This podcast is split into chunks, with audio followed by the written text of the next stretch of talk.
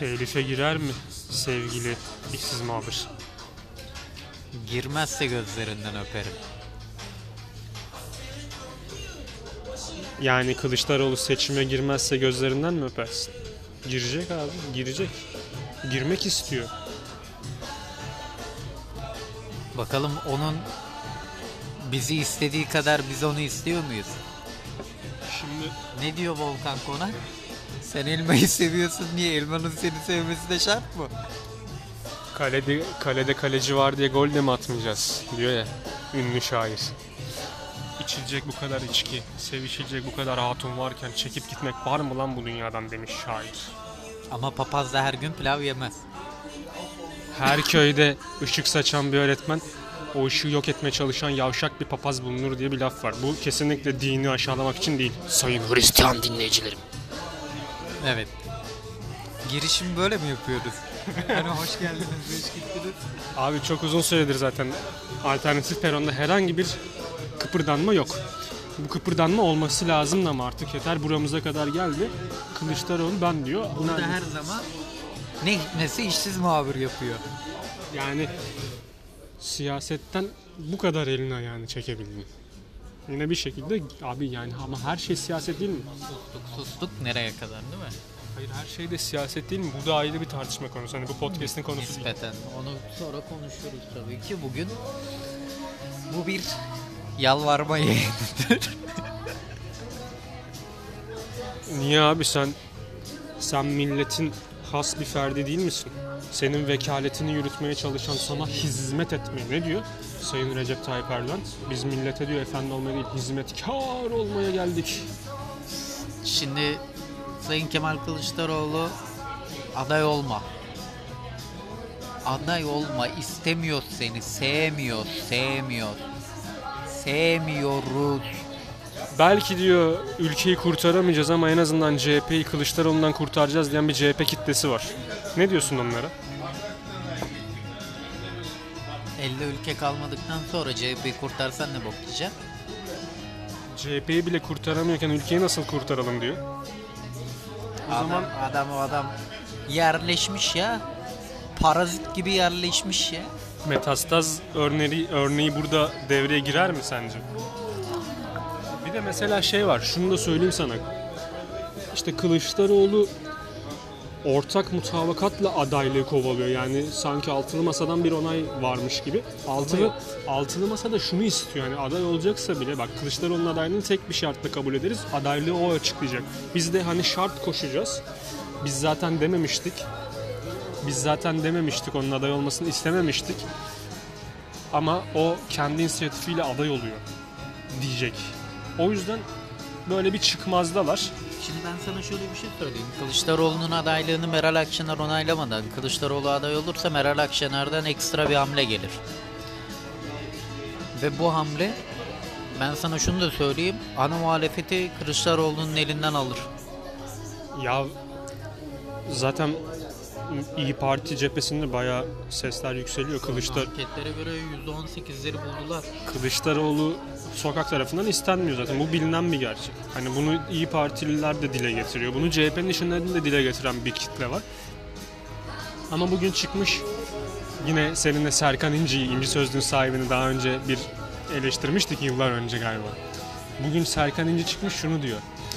Bir muhalif Kılıçdaroğlu'nun adaylığını desteklemeyip ona oy vermeyeceğini açıklıyorsa aslında gizli Erdoğancıdır diyor. O zaman İnci Ulan CHP'nin içinde demek ki birçok Erdoğancı varmış. Erdoğancıyım ulan var mı bir diyeceğim. Hadi gel. Madem öyle. Ben desteklemeyeceğim kardeşim. İkinci turda belki mecbur destekleyeceğiz. Bak. Ve sana şunu açık yüreklilikle söylüyorum. Bu düşünceye sahip sadece ben değilim. Peki. Tamam. İkinci tur Tayyip Erdoğan ve karşısında Demirtaş aday değil de Demirtaş minvalinde biri var. Tayyip mi Selo mu? Böyle bir seçenek imkansız. PIMP ne demek bilirsin. Pezevenk demek. Türkçe, Azerbaycan Türkçesinde büyük insan demek.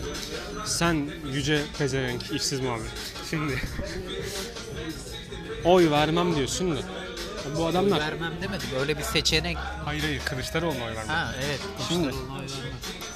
Ona Twitter'da başka şeyler de yazıyorlar. Klavyenin azizliği falan diyen var. Neyse bunu geçelim. Şimdi Kılıçdaroğlu 13 Şubat falan hani aday açıklayacağız diyordu. Sonra sordular 13 Şubat'ta aday mı açıklayacaksınız? Siz o da dedi ki ya 13 Şubat'ta 10 günde geçebilir. yo hani 13 Şubat'ta adayı belirleyeceğiz mi, açıklayacağız mı belli değil falan yapıyor. Hani Şimdi- ya kendi kararınızdan haberiniz mi yok? Şimdi Sayın Muharrem İnce'nin çok güzel bir şeyi var dedi ya. Hani benim adaylığımı açıkladıklarında benim gezemediğim onlarca il 13 tane il oldu dedi. Erken açıklayın diyor.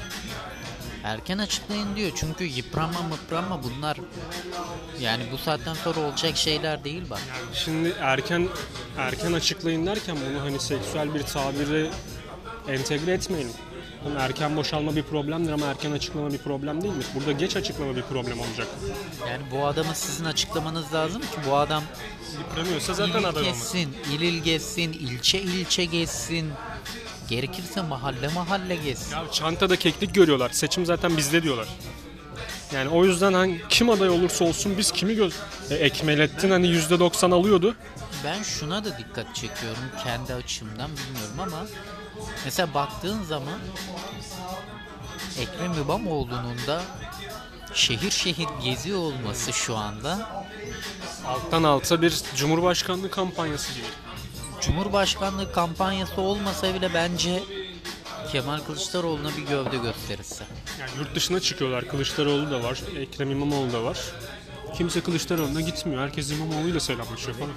Yani sen şu anda mesela bulunduğumuz bölgeye Kemal Kılıçdaroğlu ve Ekrem İmamoğlu'nu aynı anda getir. Birisi birisi aşağıda, birisi yukarıda miting yapsın. Tamam mı? Birisi boş olacak. Kesinlikle ve kesinlikle Kemal Kılıçdaroğlu'nun mitingi boş olur. Ya o zaman abi CHP seçmeni de boş ol boş ol boş ol deyince de artık gitsin yani değil mi? Aha. Diyoruz boş ol boş ol boş ol diyoruz. Yani CHP seçmeni olup olmamam burada önemli değil. Ama Millet İttifakı'nın destekleyeceği insan olarak sana boş ol boş ol boş ol diyorum. Sen daha boş olamıyorsun. Boş belki zaten de hani boş olamıyor. Şimdi bugün zannedersem ya da dün Cumhurbaşkanı'nın olması gereken kriterlerden bahsetmiş. Bizim de bir podcast'imiz vardı oradan çalmış. İşte yolsuzluk yapmayacak. İşte hani parama bulaşmayacak. Bütün mal varlığını açıklayabilecek falan.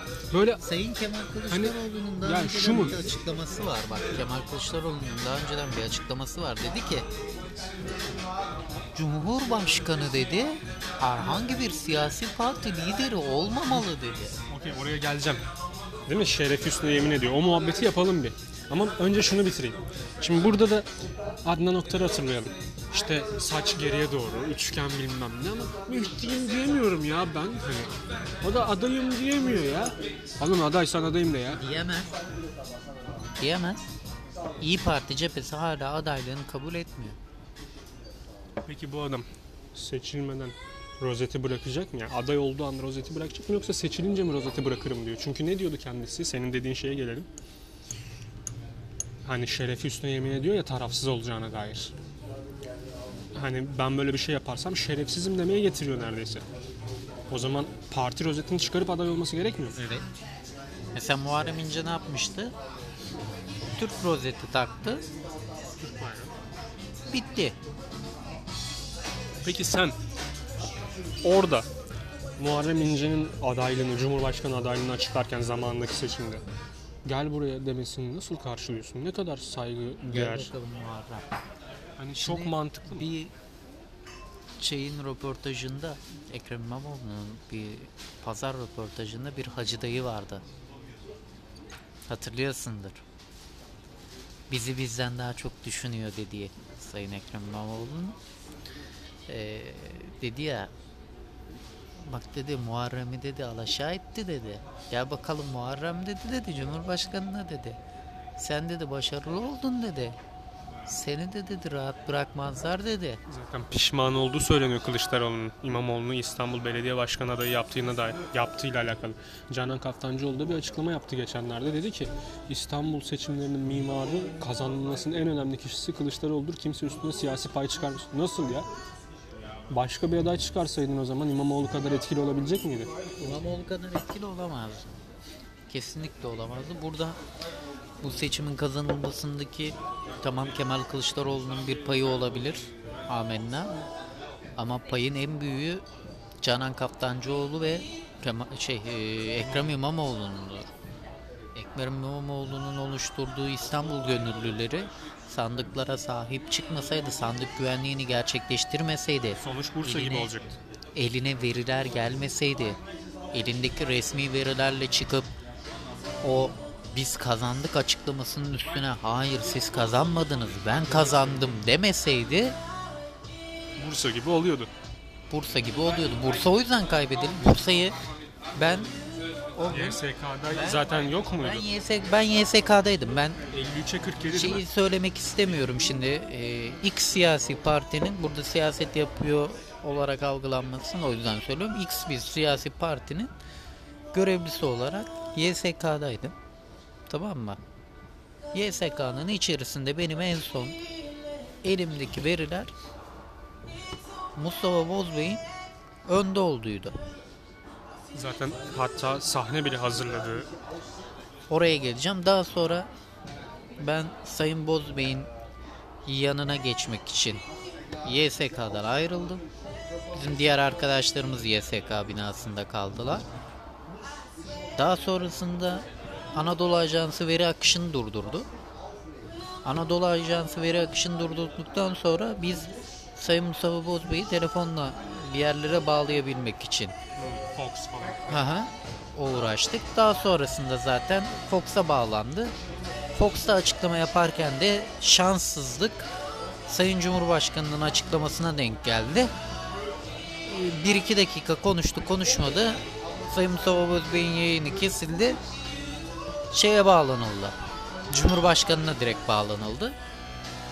Şimdi şehir merkezindeki merkez ilçelerden birindeydim. Merkez ilçelerde seçim kuruluna da yakın okullardan birinde sandık başkanı bir tanıdığım vardı. Bu kişi sandık sonuçlarından yani sandıktaki o tutanakları vesaireleri falan filan oyları, pusulaları seçim kuruluna, merkezdeki seçim kuruluna saat 10 sularında götürdü. Ama Anadolu Ajansı'na baktığımda saat 9 civarları falan %90'ı açıldı diyordu. Abi şehir merkezindeki, merkez ilçedeki seçim kuruluna çok yakın okulları bile 10 sularına gidiyor. Sen diyorsun ki %90'ı açıldı. Burada bir tezatlık var. Zaten Anadolu Ajansı'nın nasıl manipüle ettiğini herkes biliyor. O İstanbul seçimlerinde gördük onu. Onu İstanbul seçimlerinde açık açık biz gördük. Zaten biliyorduk ama inşallah insanlarımızın birçoğu da görmüştür. Ankara seçimleri bir önceki Gökçe'nin kazandı. Trafoya kedi girer mi? O mu oluyor? Yine karşıda Mansur Yavaş vardı. Orada muhalif cephe şunu iddia ediyor. Aslında o seçimin de kazananı Mansur Yavaş diyorlar. Bu bir iddia. Bunu kanıtlayamaz, kanıtlayamayız. Peki şu an Mansur Yavaş'ın adaylığı artık ikinci plana itildi çünkü işte Ümit Özdağ bile şunu dedi. Ya sen dedi çöp toplamak istiyorsan topla yani. Sen Kılıçdaroğlu'ndan habersiz bir şey yapmıyorsan, sen birisinden icazet almadan aday bile olamıyorsan sen zaten bu... Ne diyorsun bu açıklamaya? İkinci plana atılmasının temel sebeplerinden biri kalkıp kendisinin de Kemal Kılıçdaroğlu'na hitaben inşallah buraya Cumhurbaşkanı olarak gelirsiniz. Temennimiz budur demesinden kaynaklı. Ama halk hala kendisinin Cumhurbaşkanı adayı olmasını tabii ki istiyor. Sayın e, Mansur Yavaş İmamoğlu'nun yanında silik bir tip mi sence? silik bir tip değil aslında. Popülaritesi, popülaritesi var ama e, bunu kullanamıyor çok fazla. Belki de kullanmak istemiyor. Orasını bilemeyiz. Kullanmak istese gerçekten on numara kullanabilecek bir insan. Fakat e, sanki biraz şu var gibi hani kalkıp onu MHP'den ayrıldıktan sonra aldığı Ankara Büyükşehir Belediye Başkanı yap, adayı yaptı. Daha sonra Büyükşehir Belediye Başkanı yaptı. Sanki orada onu ezip geçemeyecekmiş hissi oluşuyor sanırım. Mansur Yavaş'ta ki bir artık ne denir ona Ee, Kabulleniş. kabulleniş de değil bir borç gibi görüyor bunu. Niye borç olsun ya? Yani Mansur Yavaş'a oy verenler Kılıçdaroğlu'nun yüzü suyu hürmet, hürmetine mi oy verdiler yani? Bir de şey var, şunu nasıl değerlendiriyorsun? İşte Kürt seçmen Mansur Yavaş'a oy vermez. Abi vermemiş olsaydı o zaman Ankara'yı kazanamayacak. Hani bir Kürt düşmanlığı mı var Mansur Yavaş'ın? Seçmen Mansur Yavaş'a verir vermez. Bunlar ayrı konular. Bunlar e, adaylığı açıklanırsa belli başlı yerlerde enine boyuna tartışılabilecek konular. Fakat birinci turda zaten Kürt seçmende, solcu seçmende işte Tayyip Erdoğan'a da, Kemal Kılıçdaroğlu'na da, e, işte Mansur Yavaş'a da, Ekrem İmamoğlu'na da oy vermeyecek. Kendi çıkarttıkları adaylara verecek. Ama ikinci tura geldiği zaman iş ben %99.99.99.99 eminim ki Kürt seçmende, solcu seçmende o sağ kökenli, milliyetçi kökenli Mansur Yavaş'a oy verecek. Sol sağ kaldı mı? Hani öyle bir şey de artık bahsedilemez yani. Çünkü şimdi bakıyorsun solcu olduğunu iddia eden bazı vatandaşlarımız var. Yani Kürt ırkçılığı yapıyorlar. Mesela ben sana şunu sorayım. TKP tip. Ya. Şimdi bu tipe üye olan insanlar, tipe gönül veren insanlar. Tamam mı? Şimdi bu arkadaşlar ikinci turda Mansur Yavaş, Recep Tayyip Erdoğan var. Tayyip Erdoğan'a oy vermezler yani. Tayyip Erdoğan'a oy vermeyecekler. Ama Mansur'u da boykot yaparlarsa ne olacak? Mansur'a da boykot yaptılar. O zaman aslında dolaylı olarak yapmazlar?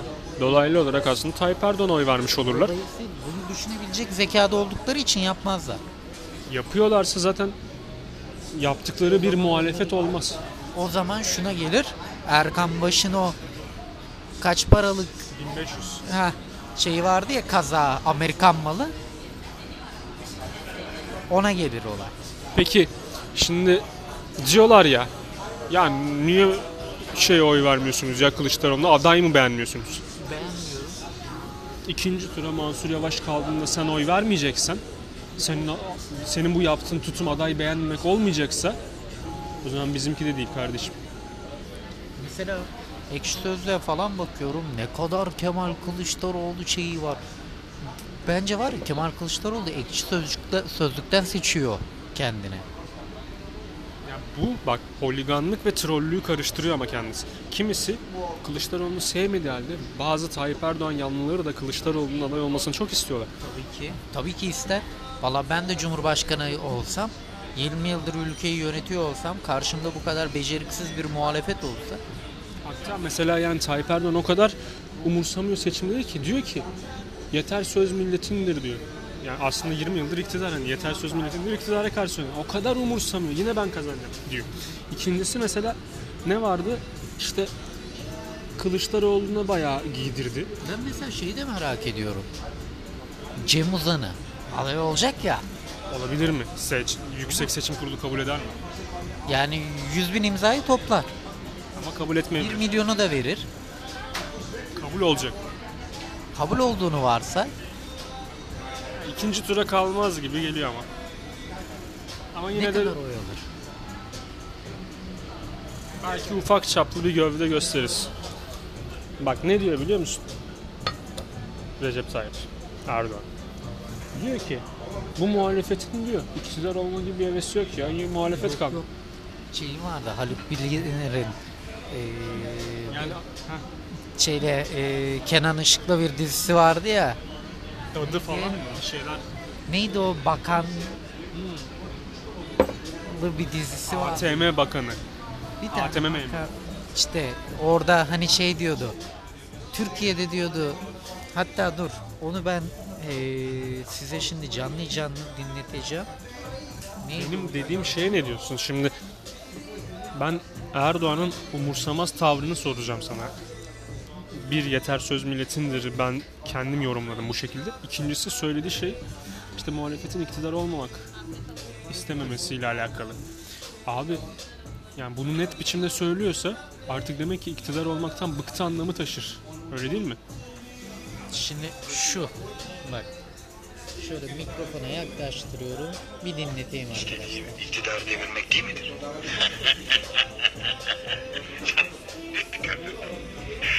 Canım benim.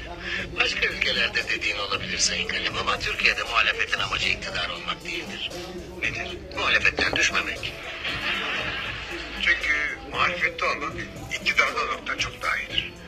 Aynı maaşı alırsın, bol çene yaparsın ve hiçbir sorumluluk altına girmezsin.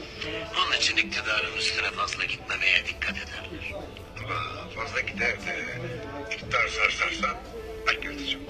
Erken seçim olduğunda da barajı bile aşamaz. Lep diye ortada kalırsın. Lep diye.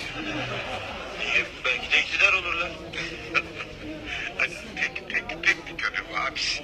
Yani burada da dediği gibi eee, Sayın Bakanım dizisinde de dediği gibi açık açık bunu yaşıyoruz şu anda. O zaman bu atıf yapıldığına göre aslında bir bakıma Sayın Cumhurbaşkanı Kenan Işık'ı da anmış olmuyor mu? Yani aslında se- seçimden o kadar uzak kendisi. Hani seçim zaten bende diyor. Şimdi şunu da merak ediyorum. Bir eee, seçimi nasıl ilan edebilecekler? Sonuçta üçüncü kez normal şartlarda aday olamıyor. Ama diyor ki iktidarcına aday olur falan. Şimdi meclisin seçim kararı alması lazım diyorlar. E mecliste yeterli çoğunlukları yok. Vereceğiz diyor şey CHP ile İYİ Parti. Vermemeleri gerekiyor.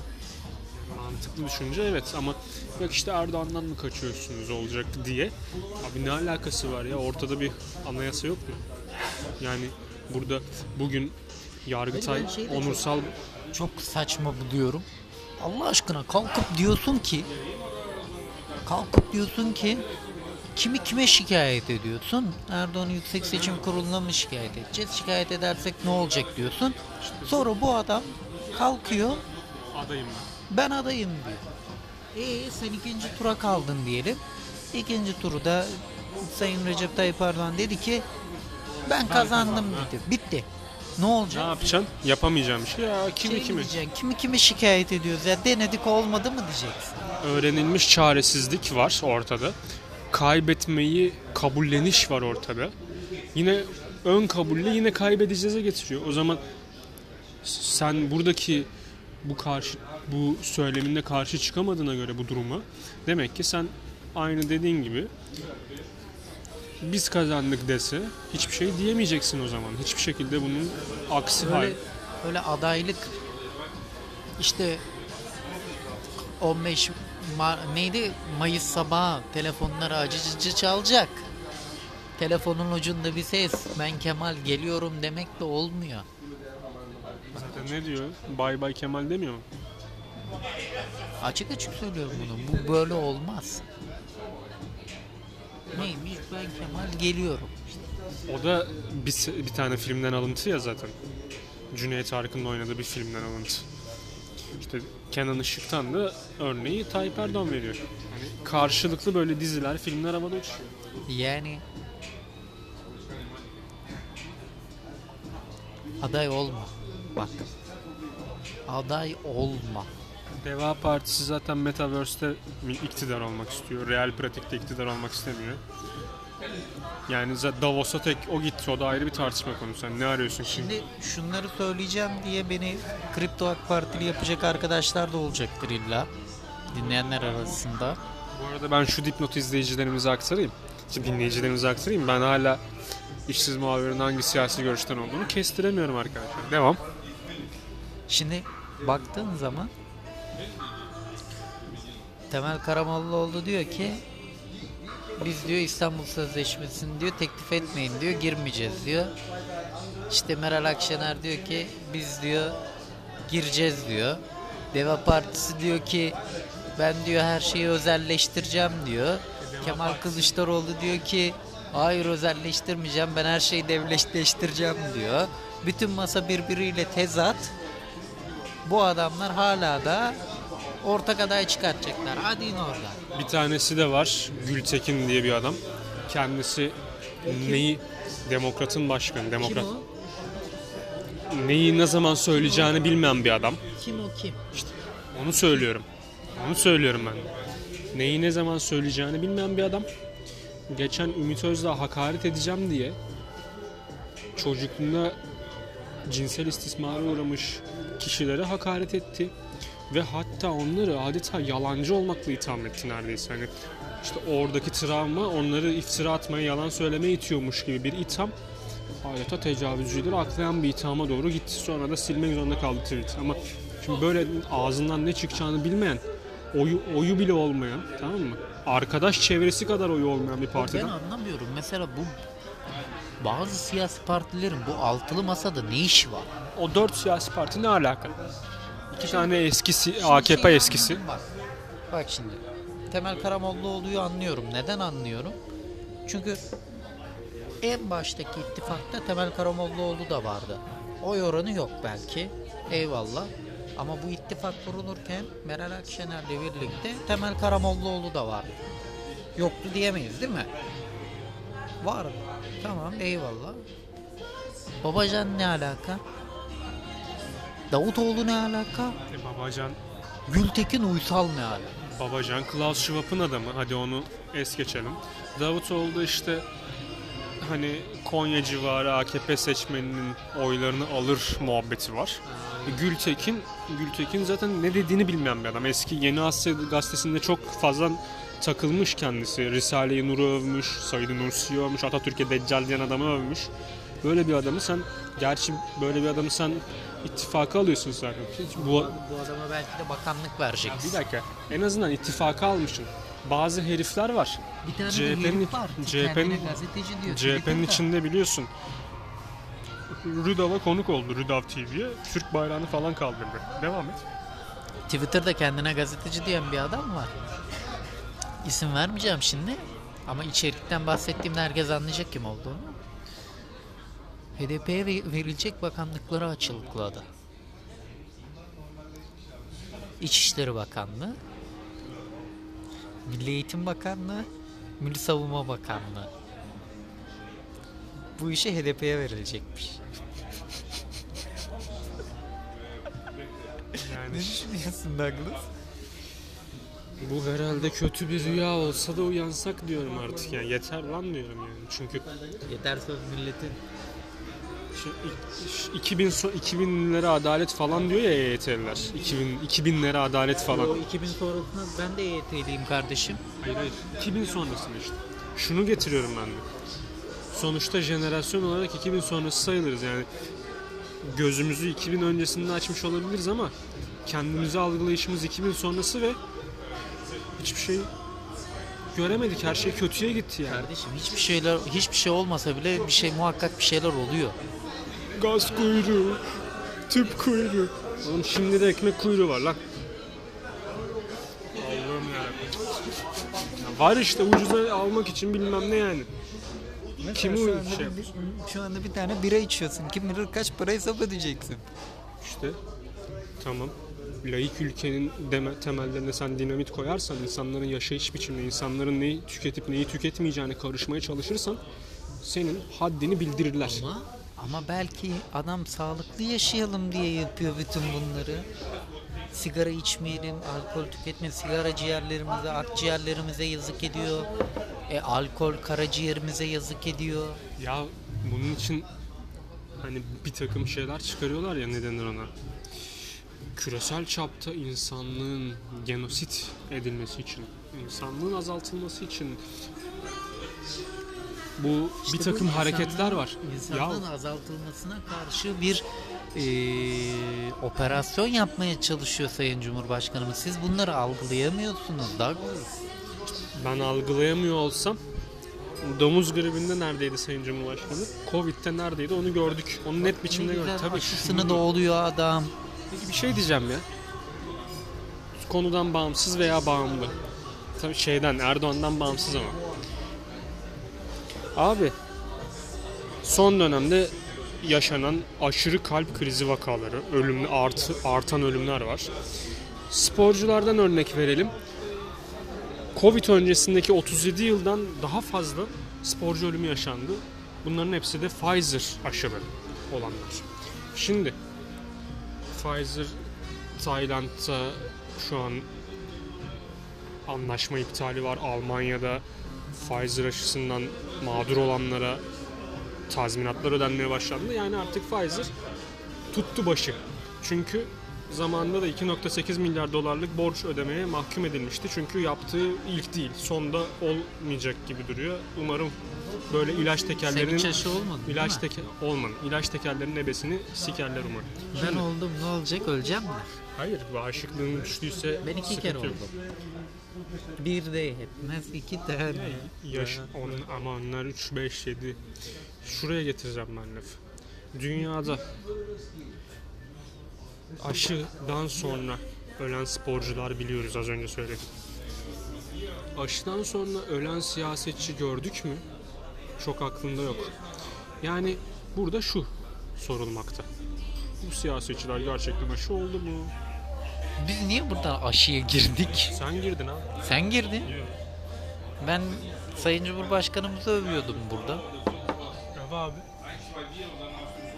Sağlıklı bir insan be. Evet. Sağlıklı bir insan. Kılıçdaroğlu sağlıksız mı? Kılıçdaroğlu Sağlıksız mı? sağlıksız mı? Soruyorum sana. Ben sana soruyorum. Abi bir kere 55-60 yaşın üstünde bir insan siyaseti bırakacak kardeşim. Bu kadar basit. Sayın Cumhurbaşkanı'nın yıllar önce Star Gazetesi'ne verdiği bir söylem, bir demeç var. Fakat şunu da belirtmek lazım ki insanın yaşı fiziki değil ruhanidir. Sayın Cumhurbaşkanımızın ruhu hala daha çok genç. Sana bizatihi söyledim mi? Oraları karıştırma. Ne söyledi sana? Benden sonra sen geleceksin. Şimdi sayın dinleyici. İşsiz muhabirin gördüğü çeşitli rüyalar var. Bunlardan açıkça bahsetmeyeceğim ama kendisini Cumhurbaşkanı olarak görüyorum. ne, ne diyorsun? Geleceğin Cumhurbaşkanı olarak görüyorsun da nasıl görüyorsun? Mesela takım elbise mi giydin? Kravatını çıkarmış mıydın? Nasıl da hani o kıyafet? Sadece gömlek mi vardı? Çıplak. Ankara Kızılay Meydanı'nda çırılçıplak vaziyette insanlara söylevde mi bulundun? Herkesin üstünde kıyafet var zannediyor. Kral çıplak hikayesindeki gibi. Bir mazgal olayından bahsediyordun. Senin rüyanda vardı. Mazgal insanlar üstünden geçiyorlar falan. Neyse orada. Çok şimdi rüya paylaşmayalım burada. Sen de ekmek almayı unutmuştun hatırlıyor musun? Çünkü param yoktu cebimde. O parayı bir aya verdim. Hayır senin rüyanda bile Cumhurbaşkanı benim nasıl oluyorsun? İşte sayın dinleyenler şuradan şunu anlayabilirsiniz. İşsiz muhabir insanları bu kadar etkileyebilen birisi. Hani real pratikte onu tanımış olsaydınız muhtemelen aday koruyu verelim verdiniz. Bak ben şu dakika aday olayım 100 bin imza toplarım. Ciddi söylüyorum 100 bin imza toplarım. Ama 1 milyon liram yok. Bir de 1 milyon lira yatırman gerekiyor ya onu yatıramam. şimdi Öyle bir niyetim vardı çünkü aday olmayı düşünmüştüm ama 1 milyon lira istiyorlarmış onu bulamam. zamanında okul müdürlerine bildirdiği hadlerden mi söz edelim? İşte üniversitede bölüm başkanlarına bildirdiği hadlerden mi söz edelim? Ya bir adam düşünün. Hem ülkücüleri basıyor, hem solcuları basıyor. Hani ne alaka hani diyorsun? FETÖ'cü İki vardı. taraf da seviyor. Seviyor. O zaman bir de şeyler vardı bir ara FETÖ'cüler hakimdi. FETÖ'cülerin de sen kıçına tekmeyi vuruyordun. Onların her zaman vuruyoruz tekmeyi.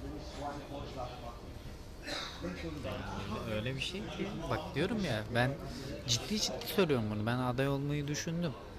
100 bin imza toplamaya kalksam 100 bin imza hiç tanımayan insan bile verirdi. Peki ben sana şunu sorayım. Ama 1 milyon liram yok. Eğer varsa bana 1 milyon lira sponsor olacak ben aday olmaya hazırım. Sevgili Basınköy'de oturan arkadaşımız etraftan bir para yoklaması yapsın. Bizi dinliyorsa şu an. Şimdi abi yıllar önce İki- İkinci tura ikinci tura kaldığımda Sayın Tayyip Erdoğan'ın karşısında hiçbir şey bulamayacağı insan benim. Benim hakkımda hiçbir şey bulamaz. o yüzden %70 oy alırım mı diyorsun? Bak hiçbir şey bulamaz Bir benim. dakika ne buldu? Diğerleri hakkında ne buluyor? Mesela Kılıçdaroğlu hakkında ne bulabilir? İşte Gültekin Uysal hakkında ne bulabilir? Meral Akşener hakkında ne bulabilir? Hepsi hakkında benim elimde belgeler Temel var. Karamollaoğlu Zam- hakkında Zamanı geldiğinde konuşacağım. Ben konuştuğumda da yer yerinden oynayacağım. aynı zamanda sonuçta bir Cumhur İttifakı var ortada. Doğu Perinçek'te ben orayı yönetiyorum diyor. Orada bir Devlet Bahçeli faktörü var. Devlet Bahçeli hakkında ne buldu mesela? Hani Diyeceğim ki ne cumhur ne memleket tek yol ben. Şunu söyleyeyim de bitirelim ufaktan. Bir gün bir fakülteye gittim. Karnım aç. Fakültelerde ucuza tost yapıldığını duydum. o nedenle fakülteden tost almak istedim. Tostumu aldım. Bu kadar insan aptal mı lan dedim. Ayakta bekliyorlar. Son 3 masa boştu. Geçtim. Ulan izbandut gibi herifler başımda belirdi birkaç dakika sonra. Ne alaka dedi buradasın. Masaların da kenarında Türk bayrakları var. Memleketimizin yüce bayrağı. İşte bana tostumu yerken takım elbiseli bir izbandut gibi bir adam geldi dedi ki Hikaye bana çok tanıdık. burası dedi. Görmüyor musun masayı? Evet görüyorum işte o yüzden buradayım. Türk bayrağını gösterdi köşedeki. E dedim. Burası dedi ülkücülerin masası. Sen dedim Türk bayrağını ülkücülerin tek eline mi aldın? O bizim bayrağımız değil mi? Şimdi Sinan Ateş hakkında son sözlerini alalım. Buradan bitirelim olayı. Yazık ettiler daha gibi delikanlıya. Bu kadar. Yazık ettiler.